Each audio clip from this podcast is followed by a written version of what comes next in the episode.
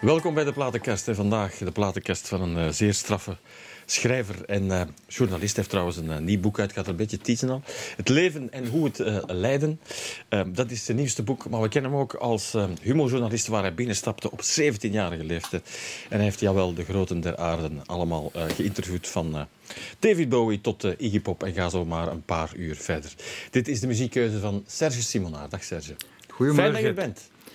Goedemorgen. Ik heb uw programma al een aantal keer gezien. En dan komt altijd dat in beeld. En dan moet ik altijd een beetje lachen, want John Fogerty... Um, die laat zich rondrijden als hij in het land is met een privéchauffeur.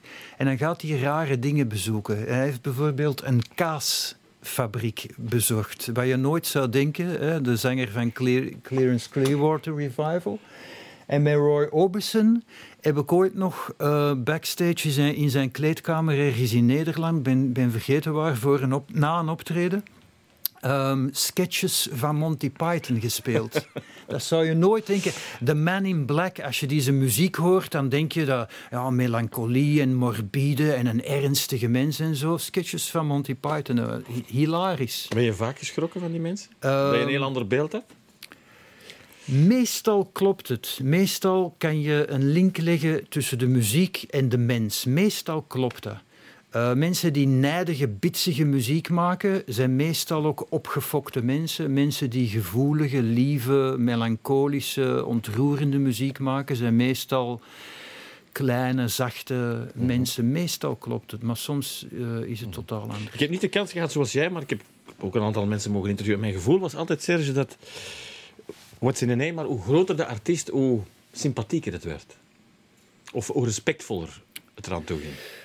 Dat is ook omdat ze het klappen van de zweep kennen natuurlijk en weten dat als er iets nijdig gedaan moet worden, dan hebben ze daar huurlingen voor om dat te doen. Hè. Dan hebben ze daar mensen voor om dat te doen. Um, maar er, is zo'n essence die neerdaalt over mensen. Je ziet bijvoorbeeld aan Paul McCartney. Paul McCartney, een hele hele sterke, echte man. Onder, onder zijn huid staal. Je, hoeft, je moet niet proberen om Paul McCartney iets wijs te maken of om te bullshitten of wat dan ook. Die kijkt daar zo doorheen. Die heeft zoveel gezien, zoveel meegemaakt. Um, maar die, is, die heeft zoiets monkelends altijd zo van... Oké, ik draai al acht eeuwen mee. Er is niks dat je mij kan zeggen of vragen dat ik niet al duizend keer heb gezien of gehoord of meegemaakt. Maar allee, probeer het maar eens. En uh, heel, heel sympathieke man, maar je voelt, er is staal onder. Ik heb ooit meegemaakt dat hij zijn optournee, ergens in Duitsland, vlak voor mijn interview... En hij was slecht gezien. Ik had hem al een paar keer ontmoet. Uh, maar hij was slecht geluimd en ik dacht, heb ik iets verkeerd gezegd of zoiets? Uh, en bleek dat zijn lichtman, als ik het goed heb onthouden, uh, iets had naar de knoppen geholpen, inefficiënt was geweest. En Paul McCartney is een perfectionist en, en duldt geen vergissingen. Iemand die een vergissing begaat, bij de volgende.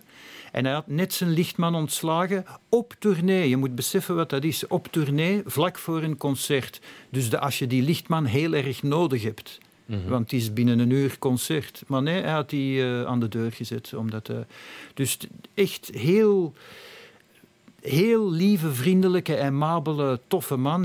Heel goed gevoel voor humor. Daar ben ik altijd blij om. Mensen van wie je denkt van oeh, die gaat streng zijn. Leonard Cohen was zeer grappig echt heel, heel grappig. Ik heb echt tranen gelachen met Leonard Cohen. Echt waar. Nick Cave, van iemand van wie ook mensen altijd zeggen van... Oh, die is zo serieus en zo morbide en doe, doem. Nick Cave is heel grappig.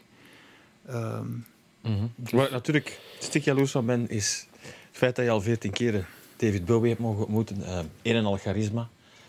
Uh, en dan ga je iets opbouwen, denk ik, hè, Serge? Als je zo iemand 14 keren ziet. Het goede aan Bowie was, um, daar mocht je iets over vragen over pannenkoeken. En dan nog was het interessant. En er was ook iemand die heel leergierig was en die ik ook niet erg vond om af te... Ik ben twee keer om, om af te... Wat is het woord? Af te dwalen, zoals ik constant doe, zoals je zou merken. Ik heb, ben twee keer met hem naar een museum geweest. Dan hebben we echt een hele tijd gebabbeld. En ik dacht eerst van, ja, ik, eh, ik ga hem loslaten in dat museum. Ik ga er niet altijd bij blijven plakken. Want, eh, en, maar hij zat en daar en daar. En dan kwam het op die artiest. En die had ook daar gewoond. En die kende dan die advocaat. En die was ook nog advocaat geweest van die tennisser. En dat was een figuur. Want echt alles interesseerde hem. Hij wist ook waanzinnig veel. Je kon, ik heb met hem over de renaissance gepraat, over, over uh, Yper, over de Vlaamse primitieven, over uh, de expressionisten, de Duitse expressionisten. Eigenlijk een, een, heel erg intellectueel. Uh, ja, maar niet op een pedante manier, maar gewoon leergierig, leergierig. Mm -hmm. Was hij de man die het meeste indruk op jou gemaakt heeft, denk je? Je kan dat moeilijk vergelijken, ik weet het, maar... Um, ik wil dat niet vergelijken en het is ook geen, het is ook moeilijk te Het is ook geen examen en het is ook geen uh, uh, top 10. Maar ik, ik zei net Leonard Cohen, dat is iemand... Leonard Cohen, dat was een gentleman. Zo is hij ook. En een gentleman, allebei. En zo... Die was zo nederig dat ik er ongemakkelijk van werd. Die, die zette thee voor mij. Uh, die vroeg hoe het met mij lief ging. Die, die, zei, die, die gaf toe, op een bepaald moment... Ik heb ooit een hele avond doorgebracht met hem, ook in Los Angeles een paar keer. Maar de, de avond die ik mij het beste herinner was in het Amigo Hotel in Bru Brussel na mijn interview, want ik was de laatste die dag, of de enige, ik weet het niet meer. Maar in ieder geval nadien. En toen dacht het Leonard Cohen, ladies man, uh, ze gaan hier in de rij staan en hij gaat chic gaan eten met prachtige vrouwen en ik zou waarschijnlijk niet mee mogen.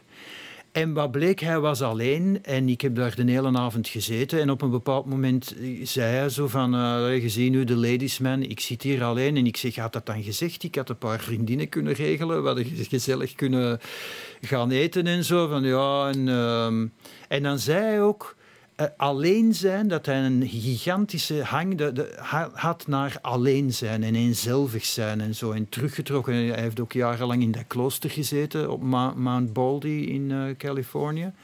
Waar hij dan dat heb ik ook eens meegemaakt, sake dronk met zijn leermeester, die dan gewoon dronken was, maar dat mocht hij niet zeggen natuurlijk, want dat was de grote guru, de grote, wat is het woord, ik, kan er niet opkomen, dus de leermeester. Er is een woord voor, niet sensei, maar... Enfin, maar die was gewoon stom dronken, die mens. En er, die zei ook niks, er kwam niks zinnig uit. Maar dat is een beetje zoals de Dalai Lama, hele sympathieke mens. Maar ik denk dat ik in totaal acht of negen uur naar lezingen van de Dalai Lama heb geluisterd. En met alle respect, ik heb die mens niks horen zeggen dat ik niet al wist. Of dat geen gemeenschap gemeenplaats was. Zeg je, zeg je eigenlijk van het Cohen, het is, het is ja, een beetje een monnik? Ja, maar ook... Uh, de, ah, daar kwam ik erop, van humor. Leonard... Die, je hebt mensen, ik hou van droge humor. Mensen die niet van. maar echt zo, die zo met een. Met een um... Eigenlijk humor. humor. nee, nee, want humor, humor kan ook soms cynisch zijn en ook soms ja, uh, vulgair en zo, en, en, en zo. Nee, nee, nee. Ik bedoel nu echt kurkdroge, wat ze noemen in, in het Engels dead, deadpan. Zo echt een... Met een uh, Engels kan je nog beter, hè? Dead, deadpan uh, met een, um, een pokergezicht, zo kurkdroog iets zeggen. En Leonard Cohen deed dat om de paar zinnen. En dan, dan ik kan niks herhalen nu, het is te lang geleden. maar, maar ik zie het zo voor grappig. Ja. ja, je hebt er meteen een beeld bij als je dat vertelt. Je ziet hem zitten, je ziet hem tegen jou praten. Zeg, ik heb het, het leven eh, lastig gemaakt bij jou. je moest er tien kiezen. Ik weet niet waar we gaan belanden, maar het is... Uh, aardsmoeilijke keuze voor jou. Dat kan niet anders natuurlijk. Hè? En we beginnen bij iets heel speciaals. Origineel is het sowieso vandaag, Serge. Daar kunnen we niks aan doen. We gaan naar een fantastisch gebouw in Londen. Lloyd Albert Hall. Um, we denken ook aan de BBC, uiteraard, die zich daar allemaal mee moeit. En we gaan naar Jeruzalem um, van Last Night of the Proms. We zitten in Londen. Waarom kies je dit specifiek? Ten eerste is dat een evenement waarvoor geen tickets verkrijgbaar zijn. Dat is jaarlijks, dat is een soort Engelse tap, tap toe.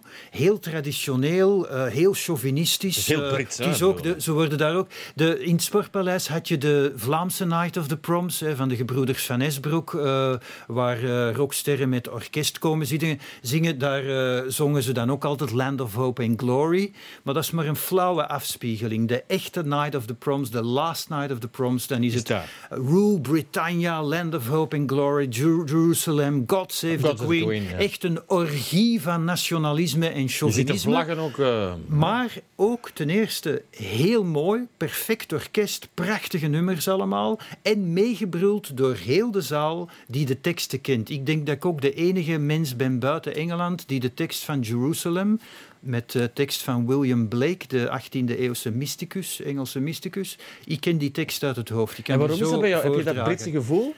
Ik heb heel erg dat Britse gevoel. Ik ben een maniacale anglofiel. Kan je dat verklaren? Uh, maar, ook, maar ook, het is een prachtige muziek, een prachtige melodie. En ik vind ook, je moet meezingen, je moet meedoen. Je hebt twee soorten mensen. Vroeger was dat ook als je opgroeide. Um, op vuiven, td's en zo en op huwelijksfeesten. Uh, de DJ speelt dansmuziek. Je hebt dan mensen die de hele avond, vooral mannen, uh, aan, de, aan de kant blijven staan. En je hebt mensen die direct meedoen. Ik vind je moet meedoen. Een feest is, je moet deelnemen. Je moet ook meezingen. Als, als er mensen zijn, popsterren of wat dan ook, zo van, die zeggen van zing maar mee. Ik zing altijd mee. En niet, niet uit aanstellerij of zoiets, want ik ga altijd, altijd ergens staan waar ze mij niet kunnen zien. Um, maar gewoon, je moet meedoen. Ik ben een, je moet meedoen, dat is gezellig. Niet meedoen, zo'n beetje cool van op afstand, zo van eens kijken of het feest op gang komt. Nee, het feest komt op gang als jij meedoet. Dus deelnemen, je moet meezingen. En ik, ik, ben, ik ben er al vier of vijf keer in geslaagd om daar binnen te geraken, via via. En ik zing elke keer brul ik mee. En hoe komt dat je dat Britse gevoel zo in jou hebt? Kan je dat verklaren? Om een of andere reden, als reïncarnatie bestaat, was ik zeker een Engelsman. En als dat niet bestaat, ben ik een mislukte Engelsman. En om, om een of andere reden, alles aan Engeland bekoort mij.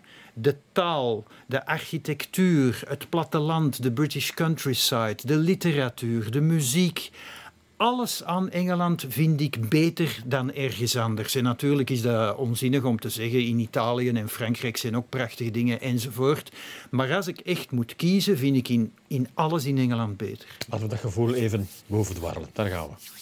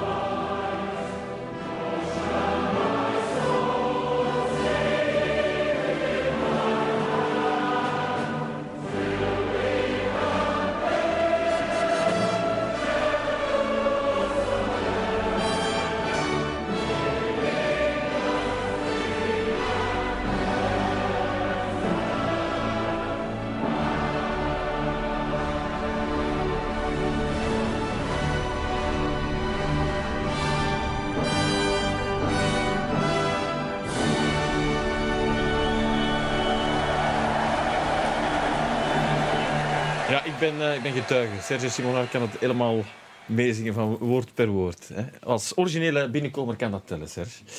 Um, heel veel gedaan. En ja, dat, dat, dat boeken schrijven, dat is een nieuw leven bij jou. Enfin, dat is al lang bezig. Um, geeft dat jou meer voldoening dan al die interviews? Hoe moet ik dat zien bij jou? Um, ik kan niet anders. Dat is een goed antwoord. Zijn, dat is een goed antwoord.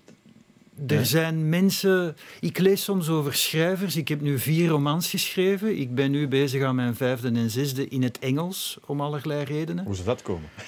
Uh, ja, ook omdat het internationale on onderwerpen zijn. En het zou contraproductief zijn om dat in Vlaanderen alleen te doen als je een internationaal onderwerp hebt. Maar je hebt twee soorten schrijvers, denk ik. Ik hoor mensen altijd zeggen van de angst voor het witte blad en zo.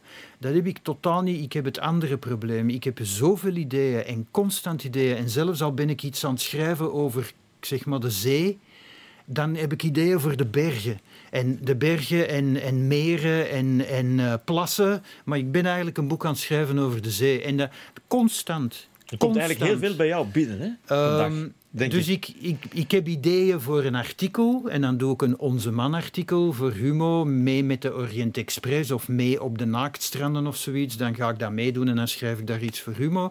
Of ik heb een idee voor een gedicht of een idee voor een radioprogramma of een idee voor een boek. En, uh, Eigenlijk zoals een artiest. Um, met zijn vele paletten schilderen, eh, schrijven. Eh. Schilderen kan ik niet, dat heb ik geprobeerd, maar daar heb ik totaal geen talent voor. Uh, ja. Misschien ook een boek omdat het blijft. Dingen, zei ik nu niet Paul McCartney of was dat voordat we begonnen? Ja, nee, dat heb je gezegd in het programma. Ah, ja, Paul McCartney die schildert ook en Bowie schilderde ook. En Bowie heeft ooit, Paul McCartney heeft ooit een schilderij gemaakt. Hij had een droom gehad waarin Bowie moest overgeven. En hij zei dan van, hier Serge, je moet, moet zien, uh, hoe denkt u dat dat heet? En ik begon dan ingewikkelde poëtische titels zijn. En dan zei Bowie Pukes. En ik zei dat tegen Bowie. En een tijdje later, ik zeg, Paul McCartney heeft... Uh, hij zegt, ja, ik weet het, ik weet het. Hij heeft mij een foto gestuurd en zo. Ik heb dan, en Bowie zei, ik heb dan een kunstwerk gemaakt dat heet McCartney Vomits. Um, en als grap natuurlijk. En, en zo, die twee. Maar schilderen kan ik totaal ja, Dat zijn allemaal pure artiesten. Hè? We hebben al tegen elkaar gezegd, ze, ze, ze, ze maken toevallig muziek, maar... Ik, je, je, merkt dat ook heel goed na, na jaren, als je zoveel mensen hebt ontmoet en zo. Je hebt artiesten die doen voor het geld en de aandacht. En, en je hebt artiesten die gewoon... Die niet anders kunnen. Niet anders kunnen. Die, die, die, dat gulpt eruit. Neil Young is ook zo iemand dat... Dat moet gewoon. Uh, ja. ja. Bowie, uh, maar je hebt er ook die de twee zijn. Prince bijvoorbeeld was de twee. Prince was natuurlijk absoluut een artiest 100%, maar was ook een hele goede zakenman en was ook constant bezig met hoe komt het over, hoe is het commercieel, hoe gaat het scoren, eh, wat doet de concurrentie enzovoort. Maar dat dus was de tweede fase, denk ik. De eerste fase was wel de creatie, mm, nee? Nee, nee, van in het begin. ja, ja, ja, nee, nee, maar dat gaat allemaal samen. Dat gaat, zeker bij hem gaat dat samen. Bij Prince, Prince heeft nog nooit een nummer gemaakt.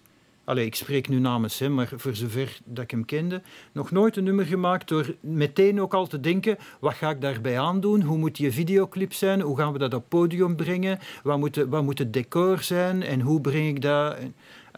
Allemaal perfectionisten ook, hè? Ja, absoluut. Workaholics. Ja. Dus... Uh... Het stopt niet. Nee, en ik hoor dat ook van, uh, van de hele beroemde artiesten. Die hebben meestal twee problemen.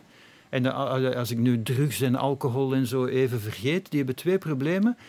A, het stopt niet. En dat is een probleem dat ik ook ken. Ja, ik, ik, herken het, het, bij jou. Je, je, je, nee, maar je kan het niet stoppen. Dat draait constant. En dan hebben het tweede probleem komt daaruit voort. Ze hebben allemaal slaapproblemen. Er zijn er heel veel die slaapmiddelen... En dan beginnen ze pillen te nemen. En, dan, ja, uh, en zo begint het. Bij, bij Michael Jackson is het zo begonnen. Die, die kon niet tot rust komen en dan pillen van dit, pillen van dat en nog dat. En dan ook pijn en zo, heupenpijn van al dat dansen en splits en, en de moonwalk. En ook te weinig slaap en, uh, dan ook. Hè? En, ja, maar vooral slaap, niet in slaap geraakt. Dat, dat merk je ook. Ik heb al meegemaakt dat ik met met artiesten dat die vroegen, als ik, ik, ik heb dat zelden gedaan, want dat is altijd vervelend, na een concert een interview doen, want dan zijn ze moe. En soms ook slecht gezien dat het slecht ging. Of, uh, maar soms is dat ideaal, omdat je dan uh, zeeën van tijd hebt. Want die kunnen niet slapen. Dus die, ik heb dat meegemaakt met, ik, weet nu niet meer wie, Morrissey denk ik, uh, Erika Badu, Francis Rossi van Status Quo, dat was ook heel grappig. Zijn, zijn assistente zei mij dan nog van... Either you're out in five minutes... Met James Brown ook. James Brown ik zal eerst mijn zin afmaken. De assistente van Francis Rossi zei van... Uh, ofwel zet hem u buiten na vijf minuten als, hem, als je hem niet bevalt... ofwel is hem morgen nog aan het praten. En het bleek het tweede te zijn. En dan, uh, ja, want hier is mijn nummer en zo. En bel die op en zo. En bleek dat Francis Rossi dus ook een paar mensen had... met wie hem dan belde als hem niet kon slapen. Ik weet dat van beroemde actrices ook... die gewoon mensen opbelden in, uh, als ze niet konden slapen maar midden in de nacht. op den duur, als je dat enkele um, nachten zo vol voilà. En wie wou ik nu zeggen? Francis Rossi, met slapen, wat was nu? Ah, ik ben het ah, ja, je hebt net gezegd Francis Rossi, ofwel vijf minuten, ofwel ging de hele nacht door. Ja, maar wie was dat nu nog? Die, die, uh... Ah ja, James Brown. Ja. James Brown, dacht ik, ik had 25 jaar geprobeerd om bij James Brown te komen. Een van mijn grote helden, een echt muzikaal genie. En een hele rare mens, heel excentriek, heel dolgedraaid, heel, echt een hele rare mens. Uh, en 25 jaar lang was dat mislukt. En dan, dankzij eigenlijk de gebroeders Van Esbroek, dankzij The Night of the Proms, omdat hij daar kwam spelen, twaalf avonden, uh, had ik zeer van tijd. En de eerste keer dat ik bij hem in de kleedkamer kwam, zei zijn manager... Um, ik, zei van, uh, ik, heb, ik heb drie kwartier. Nee, nee, nee, you've got 15 minutes. Ik zeg, 15 minutes? En, en dan zei hij van... Uh, Ain't nothing you can ask in 15 minutes. And if he don't like you, you'll be out in five. Uh, en dan, het klikte en dan mocht ik terugkomen en een dag daarna en een dag daarna. En dan bleek langzamerhand dat ik zo vaak met James Brown mocht praten en met hem gaan winkelen in Antwerpen en zo. Met, met zijn danseressen dan nog bij. Zijn zangeressen, echt hallucinante tafereelen. Ja. Ja. Um, en, um, maar dat hij ook behoefte had aan eens praten met iemand die niet tot zijn wacko entourage behoorde. Want die entourage was ook, daar kan ik ook verhalen over vertellen. Dus maar dat, in dat wereldje zo? Dat, uh... Ja, maar ook dat die behoefte hadden om eens te praten met iemand die niet op, op hun loonlijst stond. En, en dan was ik ook wel zo slim om dan te beginnen over van alle boeiende dingen. Buiten datgene waar hij mee bezig is. Voilà. Ja. En, en allee, echt, met eenzaamheid ook. Maar eenzaamheid is toch soms. iets dat heel vaak terugkomt. Hè? Ja, ja. It's lonely at the top, maar ja. dat is letterlijk zo. Hè?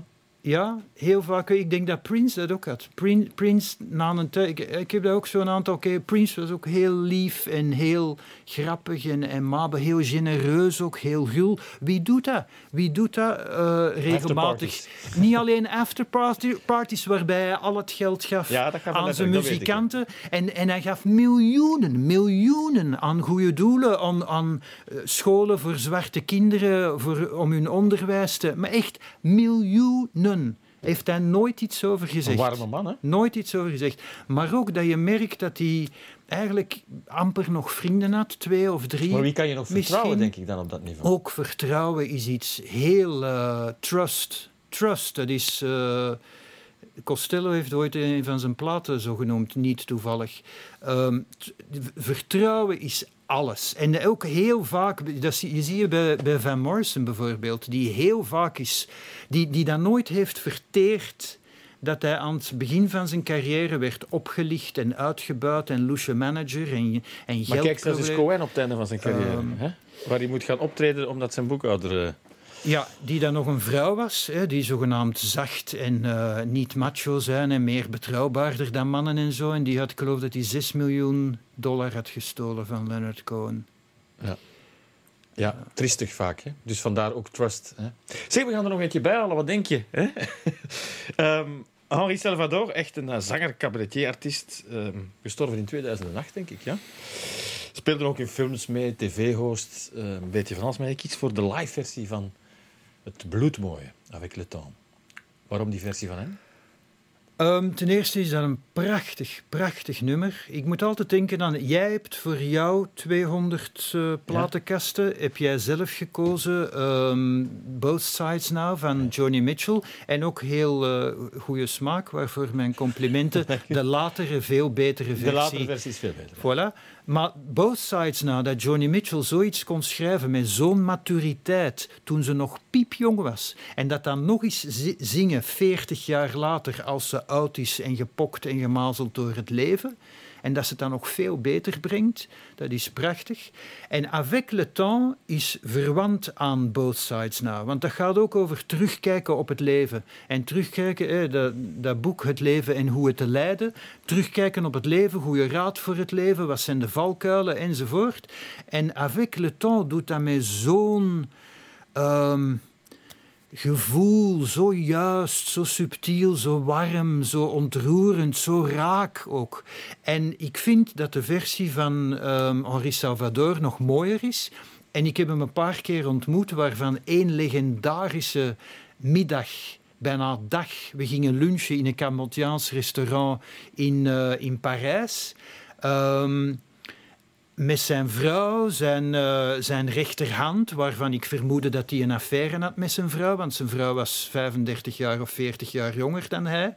En hij was bijna 90 toen, maar nog altijd een vrouwenzot tot en met. En hij had ook ooit een affaire. Hij had ook. Uh, uh, uh, met Ava Gardner mm -hmm. uh, een affaire gehad. En Ava Gardner was ook de ex van Frank Sinatra. En een prachtige vrouw. Als je ze niet kent, Ava Gardner, google ze. Prachtige vrouw uit de jaren 30, 40, 50.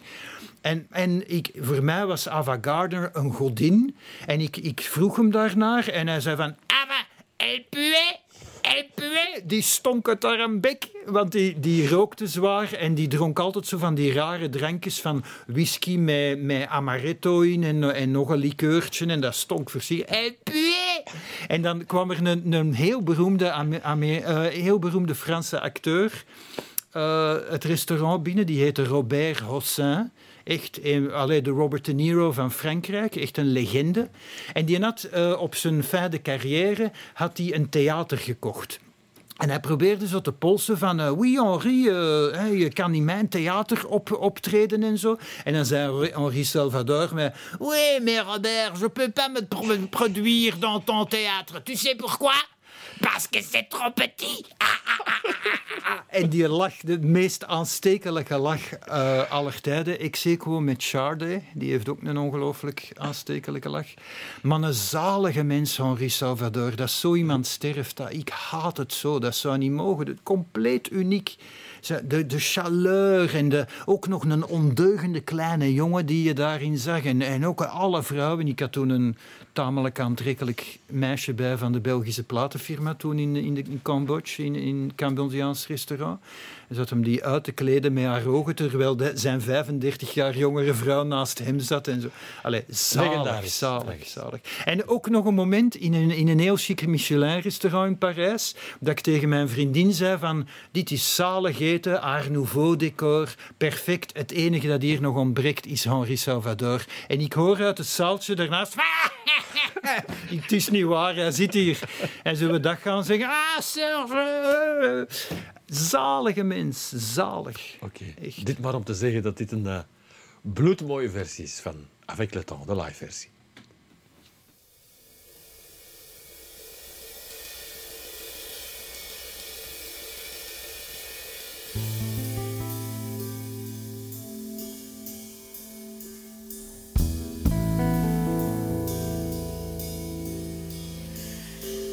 Avec le temps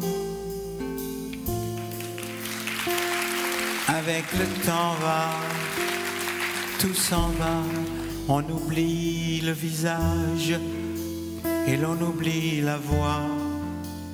Le cœur quand ça bat plus, c'est pas la peine d'aller chercher plus loin. Faut laisser faire et c'est très bien. Avec le temps.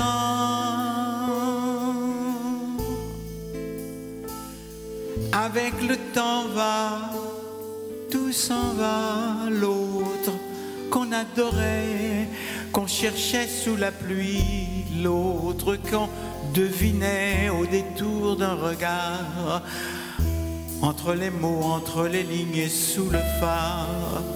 D'un serment maquillé qui s'en va faire sa nuit. avec le temps, tout s'évanouit. Avec le temps,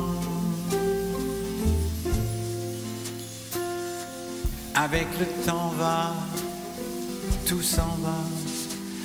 Même les plus chouettes souvenirs sautent à une de ces gueules. À la galerie, je farfouille dans les rayons de la mort. Le samedi soir, quand la tendresse s'en va toute seule. Avec le temps, avec le temps va, tout s'en. L'autre à qui l'on croyait pour un rhume, pour un rien, l'autre à qui l'on donnait du vent et des bijoux, pour qui l'on eût vendu son âme pour quelques sous, devant quoi l'on se traînait comme traînent les chiens. Avec le temps, tout va bien. Avec le temps, avec le temps, va, tout s'en va. On oublie les passions et l'on oublie la voix qui vous disait tout bas les mots des pauvres gens. Ik moet hem gelijk geven, Serge Simonard. Het is een uh, schitterende versie. Het komt vanuit de ziel. Uh, kan het niet beter zeggen. Avec le temps. Van Henri Salvador, ook een uh, geweldige cabaretier. Hè? Men net verteld, kan sketchen op het einde. Man heeft veel in petto. Fijn, Serge, ik denk dat wij enkele uren tekort hebben. Maar we zien je graag zometeen terug. Tot zo.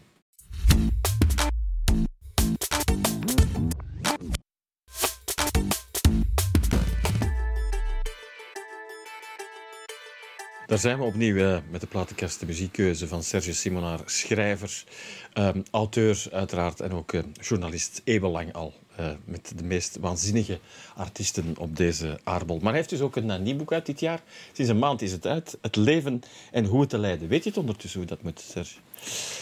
Grotendeels. Men is nooit volleerd. En uh, ik krijg soms ook de reactie van, uh, van ja, maar dat, dat, is toch pretentieus dat jij zegt hoe dat wij moeten leven. Maar het is niet alleen dat natuurlijk. Het is niet alleen raad voor jonge mensen en raad voor valkuilen en problemen en horden in de maatschappij en zo. Maar het is ook leren uit mijn fouten. Dan dat is het belangrijkste eigenlijk. Hè? Voilà, en leren uit de fouten van iedereen die ik ooit heb ontmoet. En dat zijn wel uh, een paar duizend mensen en zo. En ik merk uit de reacties dat eigenlijk nuttig is op drie vlakken. Het zijn jonge mensen die het kunnen gebruiken van ik kom in de maatschappij, ik moet studeren, werken en zo. Ha, dat komt allemaal op mij af. Wat moet ik doen en wat mag ik vooral niet doen? Dan is het nuttig voor de ouders. Om, en die zullen waarschijnlijk de helft van de tijd zeggen van ja, dat heeft hem wel goed gezien, uh, Simonaar, maar daar ben ik het niet mee eens enzovoort. Maar het belangrijkste, en dat heb ik heel vaak gehoord de voorbije maand, is ouders die zeggen dat het boek een soort glijmiddel is een soort middel tot een doel dat het de deur openzet naar gesprekken met hun kinderen over het leven. En dat is heel belangrijk, want heel veel kinderen, en dan, als ik zeg kinderen bedoel ik 15, 20, 25, soms zelfs nog 35 jaar, zijn gesloten en zijn ook koppig en eigenwijs en willen eigenlijk niet naar goede raad luisteren en vertellen niet alles aan hun ouders en willen ook niet alles aannemen van hun ouders. Dus dan zit dit Hoe waren boek... wij, Serge? Wij waren perfect, maar ik heb het nu over andere mensen. maar dus dit boek zet de deur open. Uh, heb je altijd over het leven gefilosofeerd? Ja, want dat was de verbazing waarin ik viel. Ik dacht eerst, wou ik dit schrijven voor mijn zoontje omdat ik te laat aan kinderen ben begonnen en ik dacht, als ik morgen doodval, dan heeft hij tenminste nog uh, honderden bladzijden goede raad van zijn papa van over het graf. Maar ik stuitte toen op een doos waarin ik echt ik denk 30, 35 jaar notas had bewaard van wat mij opviel aan het leven. Contacten met mensen, hiërarchie, roddel, um, gevaren, werk, studies. Alles, reizen, alles, relaties, huwelijk, alles wat mij ooit was verteld, ook van andere mensen, relaties van bittere echtscheidingen, re relaties over werk en, en conculega's en valkuilen, en alles. En dat bleek echt zo'n doos. En ik dacht, ik moet daar iets mee doen, dan, dan heeft mhm. het enig nut. Uh... Maar dat is zo fijn aan al die gesprekken. Ik heb er ook een aantal mogen doen, Serge. Dat is dat het je rijker maakt in hoe je naar het leven kijkt eigenlijk. Het gaat niet alleen over muziek of over... Maar die mensen van dichtbij leert kennen. En dat ze jou Ja. Dat is een van, een van de dingen die ik zeg in het boek. Dat heb ik altijd gedaan. Ik heb altijd een hangen. Ik ben nu zelf al oud uh, en half seniel. Maar ik heb ook als jonge mens altijd een hang gehad naar oudere mensen. Ik had oudere vrienden. Als ik op vakantie ging, trok ik altijd naar oudere mensen, want daar kun je iets van leren. In een Grieks dorpje ging ik naast een paar oude dammen op de bank zitten. En dan wenkte ik een, een jong mens en dan een Griek. En dan zei ik, vertaal dit voor mij wat die allemaal zeggen en zo. En dan raakt in gesprek met zo van die zwarte weduwen op een Grieks bankje in een Grieks dorpje, die, die 80, 90 jaar zijn, maar die ook verhalen hebben. En die, ik vond dat altijd veel boeiender dan in de discotheek mm met een DJ gaan praten. Want, allee. Dat is misschien de rode draad bij alles wat je gedaan hebt. Ik, ik denk dat ik heel leergierig en nieuwsgierig ben. En dat is ook nuttig om, bij romans schrijven het nummer dat we nu gaan spe ja, spelen. vertel er al maar iets over. het is uh, Dario Marianelli um, van de film A Tournament. Hè? Um, Elegy for Dunkirk. Uh, je gaat het heel speciaal maken. Wat, wat heeft de Italiaanse componist met jou? Het gaat niet om de componist, al is dat zeker een genie. Dat is prachtige muziek. Maar om te beginnen is Atonement, Boetekleed, van de Engelse schrijver Ian McEwan, een prachtig boek. En het is ook een prachtige film, Atonement. Hele mooie film. Met onder andere Kira, Kira mm Knightley. Heeft er trouwens een Oscar voor gekregen? Um, ja, voor, dat voor, kan, dat weet ik niet. Ja. In ieder geval, um, het is een prachtig muzikaal stuk. Maar het is ook, uh, als ik romans schrijf, dan heb ik soms bij bepaalde scènes, om op gang te komen of in een soort trance te komen, dan speel ik soms een muziekstuk. Dat kan klassiek zijn of, of uh, Alan Stivell, Bretoense folk, of, maar bijna altijd instrumentaal speel ik soms 30, 40, 50 keer. Tot ik echt in een soort. En, en dan, Kom je in een soort trance bijna? Ja, dat, dat, dat helpt echt. En dit, dit uh, heb ik gespeeld toen ik mijn eerste roman schreef, uh, bij, bij een bepaalde scène. Maar het heeft ook te maken met mijn grootvader, die in de Eerste Wereldoorlog uh, later stierf van zijn verwondingen. Mijn, mijn, uh, met mijn ouders die opgroeiden in de Tweede Wereldoorlog. De film Atonement speelt zich af in de Tweede Wereldoorlog. Het is ook heel Engels, heel Engels-Saxisch. Dus het komt echt diep in jouw roots terecht. En het is vooral, en daar moet je naar luisteren, want dat is zo fenomenaal prachtig gedaan. Het is de soundtrack van de film verweven met de 19e eeuwse Engelse kerkhymne. Dear Lord and Father of Mankind. Met ook een prachtige tekst en prachtige muziek van Hubert Parry. Uh, die ook Jerusalem heeft op muziek gezet trouwens. En het, het vloeit in elkaar en het wordt dan ook gezongen in, in Duinkerke, Dunkirk, hè, waar de Duitsers de Engelsen de zee indreven tijdens de Tweede Wereldoorlog en dat de oorlog bijna verloren reek, leek en dat de Engelsen moesten vluchten echt en werden gemitrailleerd op het strand terwijl ze wachten op de kleine bootjes die hen naar Engeland zouden terugbrengen, mm -hmm. veilig thuis. Dus die scène, en dan gezongen door gekwetste soldaten op het strand terwijl er bommenwerpers zijn. Het is prachtig. Wat moet ik daar nog op zeggen?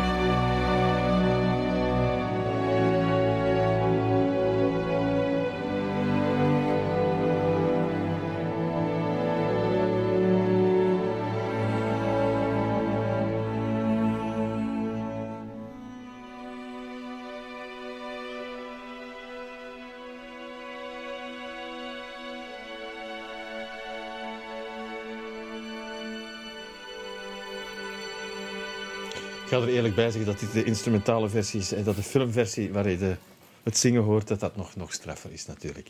Maar het is wel van hem. En hij heeft het ook gespeeld in dit uh, fantastische stuk. We gaan naar um, El Bauli. Um, Zuid-Afrikaanse afkomst, uh, jaren 30 denk ik. Hele populaire zanger. Gaan naar een heel andere periode. Het is eigenlijk een oude ziel, Serge, als ik dat zie. Heel zeker. En ik, ik hou ook heel veel van geschiedenis. Ik ben geobsedeerd door geschiedenis en, en alles van vroeger. Maar ook El Boli, dat was de muziek die de soldaten in de loopgraven speelden. Dat was hun enige vertier. Dan had er bijvoorbeeld een luitenant uh, in, in de loopgraven, in zijn bunker, had dan zo'n 78 toeren speler met 78 toeren bakkelietplaten. En dan konden ze zo eens ene keer, als de bombardementen één seconde stopten, konden ze even iets horen van Al Bowley, die over de liefde zong in Engeland thuis. En dat gaf moed. En ik heb ook 78 toerenplaten, die nog uit de loopgraven komen. En ik heb medailles van Eerste Wereldoorlogssoldaten en ik heb een dagboek van een Eerste Wereld... Komt dat door je grootvader? Ook, maar vooral doordat ik het zo fascinerend vind dat die mensen. Er zijn soldaten bij die midden. Je moet dat voorstellen. De kogels soeven je om de oren. En granaten en bommen. En de stank van de lijken van je kameraden. En dan zijn er nog mensen die gedichten in een potlood. Dan had, ik heb zo'n doosje. De Engelse koningin had uh, koperen doosjes gegeven voor kerstmis aan alle Engelse soldaten. En daar zat in chocola, allang opgegeten. Uh, tabak, allang opgerookt. Maar ook een potlood om naar huis te schrijven. Waarom een potlood? Bikken bestonden er niet en inkt dat ging direct kapot en dat liep uit. Dus een potlood. En dan heb ik nog zo'n half zo'n stompje van een potlood waarmee een soldaat zijn laatste brief naar huis heeft geschreven. En zo, zo'n dingen, ik leg dat altijd onder de kerstboom. Dan zijn die gasten er ook een beetje bij. En dan zet ik El Boli op, dan is die er ook een beetje bij. Dat zijn allemaal films en, ja. uh, dat is sfeer, dat is belangrijk. Je mag dat niet vergeten. Je mag ook niet, dat zeg ik ook in mijn boek, je mag niet vergeten hoe ongelooflijk goed wij het hebben en gelukkig wij zijn. Er is al 80 jaar geen oorlog. Dat is uitzonderlijk in de geschiedenis van de mensheid. Ik denk zelfs nog nooit vertoond. Ik denk het. Dus El Boli, dat is, dan komt dat allemaal boven. Ik heb ook uh, Engelse uh, strijders nog gekend, uh, veteranen. Uh, wij hadden een vriend, dat is een goede anekdote, Reg, Reg Norfolk. Die was 94 jaar, zo met een Engels, Engelse zilveren penselmoustache. Zo echt uit een boek van Agatha Christie weggelopen. En die ging dan nog een cruise maken op een cruiseschip op de Middellandse Zee. En dan kregen we een kaartje van hem Cruising the Mediterranean, checking out the fleshpots. De fleshpots bedoelde hij de monokinis, 94 jaar. With lady friends. En dan separate cabins, aparte hutten. En dan tussen haakjes, for now, voorlopig. 94 jaar. Fantastisch.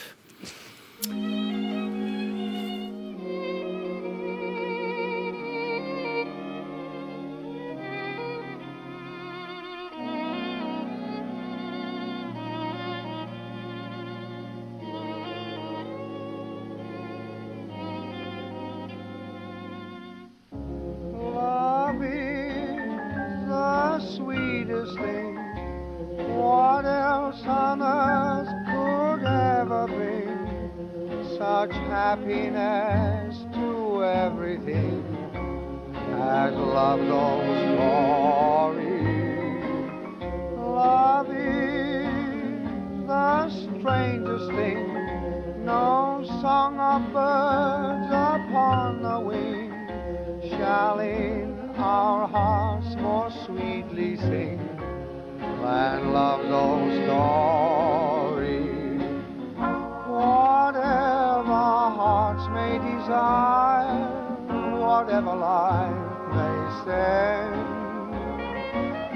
This is a tale that never will tire. This is the song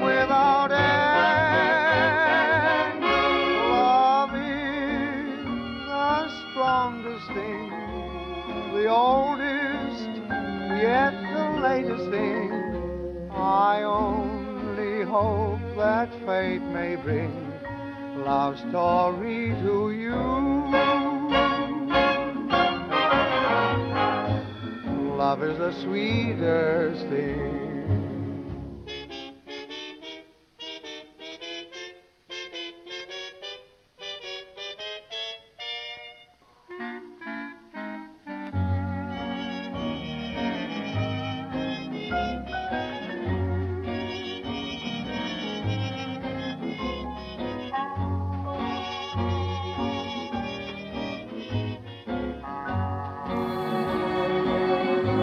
Één eh, volledige film vandaag hier samen met eh, Sergio Simonari. Je, je ziet de beelden voor, voor jou, die, het gevoel van die platen opleggen enzovoort.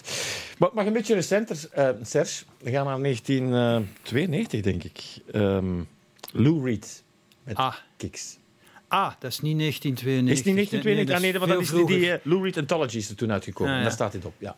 Kiks is denk ik van 1976 Ja, of of zo, 77. Ik heb dat gekozen. Lou Reed, ehm, ook fantastische gast. Ehm, de eerste keer, er was vroeger in Antwerpen, in de binnenstad van Antwerpen, een hele legendarische platenwinkel waar iedereen van mijn generatie zijn platen kocht. Die heette Dillewijns. En die was op de Wapper, dus in de oude stad aan het Koninklijk Paleis, het, eh, het Bisschoppelijk Paleis en zo, waar Napoleon nog- nog heeft gelogeerd, geschiedenis. Ehm, en ik kwam daar eens toen het sneeuwde. En die Dillewijns platenwinkel had hun gewoonte om hun boksen buiten te zetten. En je hoorde dan al van ver, hè, om klanten te lokken natuurlijk, je hoorde al van ver wat er speelde. En toen ik door de sneeuw kwam aangestapt, was het Kiks. En die plaat was toen pas uit, ik had die nog niet gehoord. En dat is zo'n, ook weer trancy muziek, hypnotische muziek, Kennen die sfeer daarvan. Wel, Lou Reed heb ik leren kennen door mijn wiskundeleraar. Want ik had een plaat van Ming de Vil gekregen van hem voor mijn verjaardag. eh, want de wiskundeleraar was bevriend met mijn, met mijn ouders. En mijn ouders, dat was bijna alleen klassieke muziek. De Beatles, dat konden ze nog snappen dat dat de moeite waard was. Leonard Cohen, daar hadden ze een paar platen van. Maar daar stopte het. Voor de rest popmuziek in vergelijking met Bach en Mozart en was dat allemaal niks. En, eh, maar dus mijn wiskundeleraar, Jos Momme, die had mij een plaat van Ming de Vil gegeven.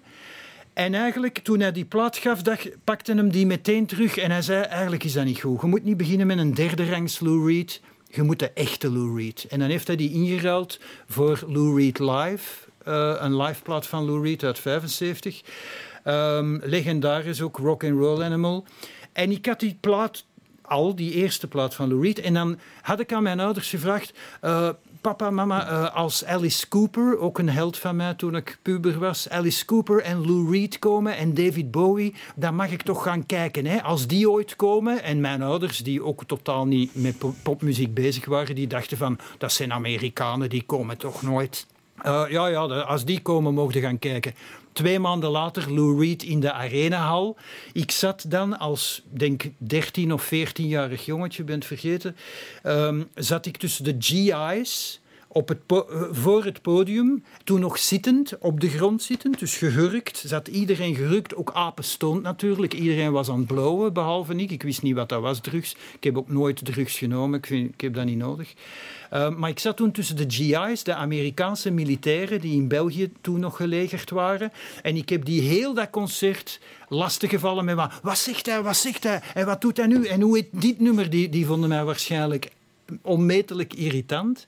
En twee jaar later, want wij woonden toen in Deurne aan de Arenahal, niet ver daar vandaan, en ik kende de conciërge en de dochter of het nichtje van de conciërge. Dus zo heb ik mij binnen gesluist in de kleedkamer van Lou Reed, die toen een vriendin had en die heette Rachel, prachtige vrouw. Alleen, zo bleek later, maar toen wist ik dat nog niet, dat was geen vrouw. Dat was een van de eerste transgenders, dat was een, een transseksueel, maar prachtige vrouw als je ze zag. Die was heel lief voor mij. Uh, Lou iets minder, want die had kook gesnoven en die begon zijn gitaar uiteen te vijzen en zo en zo. Maar dat, dat was mijn entree. Uh, en toen heb ik via de arenahal mij nog binnen mijn Engels was toen al heel goed, want mijn ouders reisden veel. Dus ik deed dan tegenover de Belgische roadies alsof ik een Engelsman was en tegenover de Engelse roadies alsof ik bij de Belgische roadies was. En zo, zo heb ik nog uh, concerten van ABBA gratis meegemaakt, tot Rundgren. Ik ben nog met, met Status Quo naar de frituur gegaan, omdat ze de, de catering, de sandwichen, niks vonden. Dus ze wilden frieten hebben en dat soort dingen allemaal. Het is daar al geboren, 13, 14 jaar. Ja. 15, 16. Meneer Lou Reed. All by the circle today. I thought something was burning in the west, right? The morning of the show, right?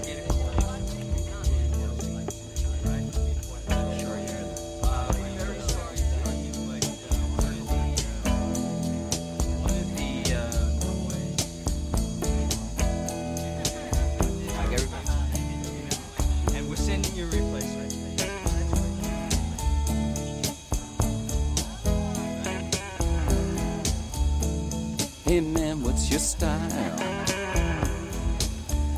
How you get your kicks for a living? Hey man, what's your style? How you get your adrenaline flowing out? How you get your adrenaline flowing?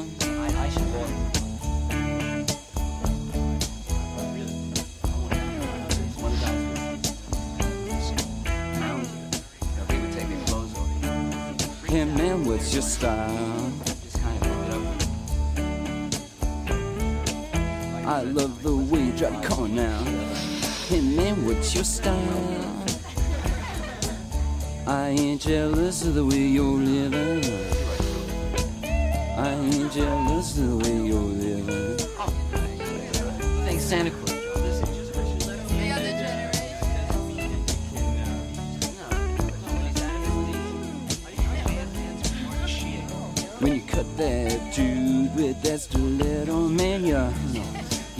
You it so uh, cheap like. Or that thing about like.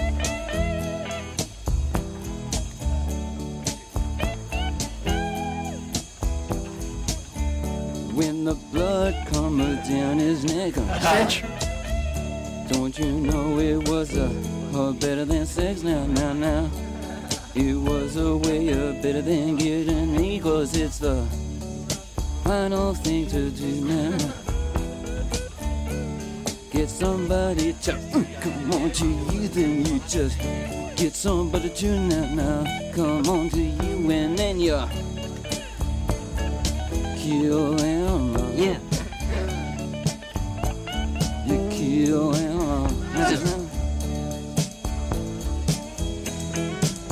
Cause I need kicks.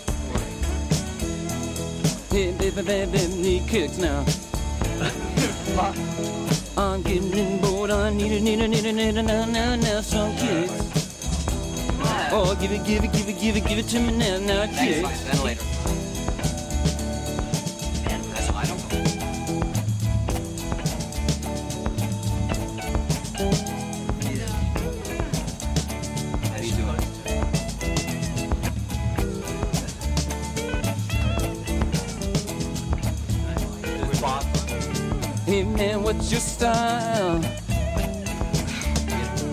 You get your kicks for living?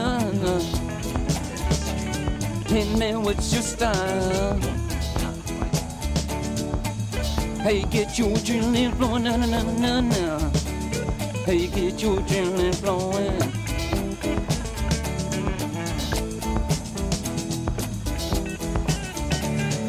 Ik zeg, dit kan nog ehm, uren duren. ehm, dus eigenlijk hebben we tijd tekort. Niks aan te doen samen met Lou Reed. We kunnen nog een heel klein, klein fragmentje laten horen van Tubular Bells. Alhoewel dat dat ja, bijna een half uur duurt, denk ik. Eh, Mike Oldfield. Ehm, legendarisch op dat moment. Hij is toen naar alle platenfirma's geweest. Niemand die het wou uitbrengen.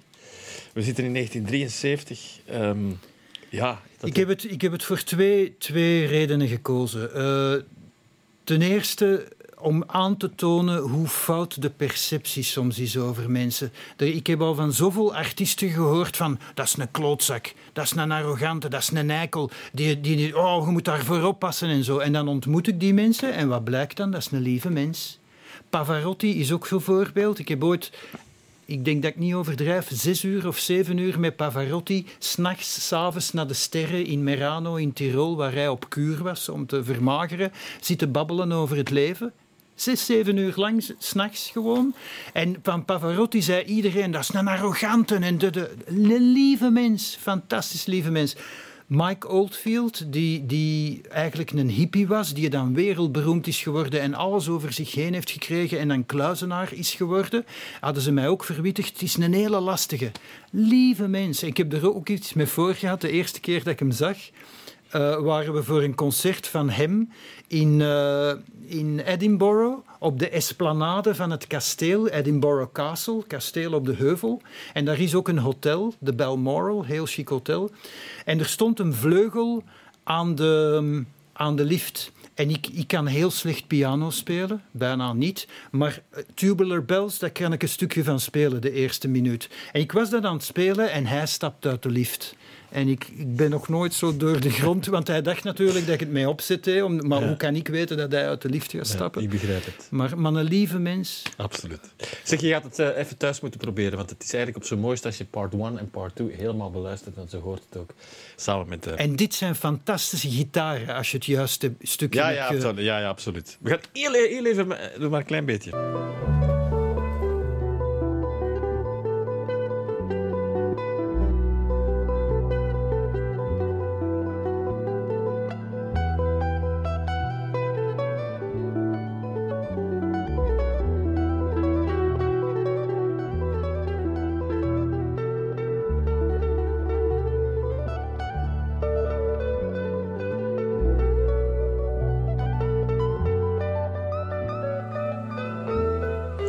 Serge, bedankt voor zoveel passies in het leven. Want dat, dat houdt niet op bij jou. Het is geweldig hoe je met, met die gedrevenheid kan praten over, uh, over de dingen die je meemaakt. Ik wens je veel succes met je boek. Ik ga het nog even zeggen, mag hè. Het leven en hoe het te leiden en vooral met alles wat je doet. Geniet van je tocht, van je reis. En bedankt dat je er was. Dank je. Bedankt voor het kijken, het luisteren, het genieten natuurlijk. En je kan alles nog eens herbeluisteren via Spotify, Apple Music of via de website van uh, TV+. Heel graag tot binnenkort.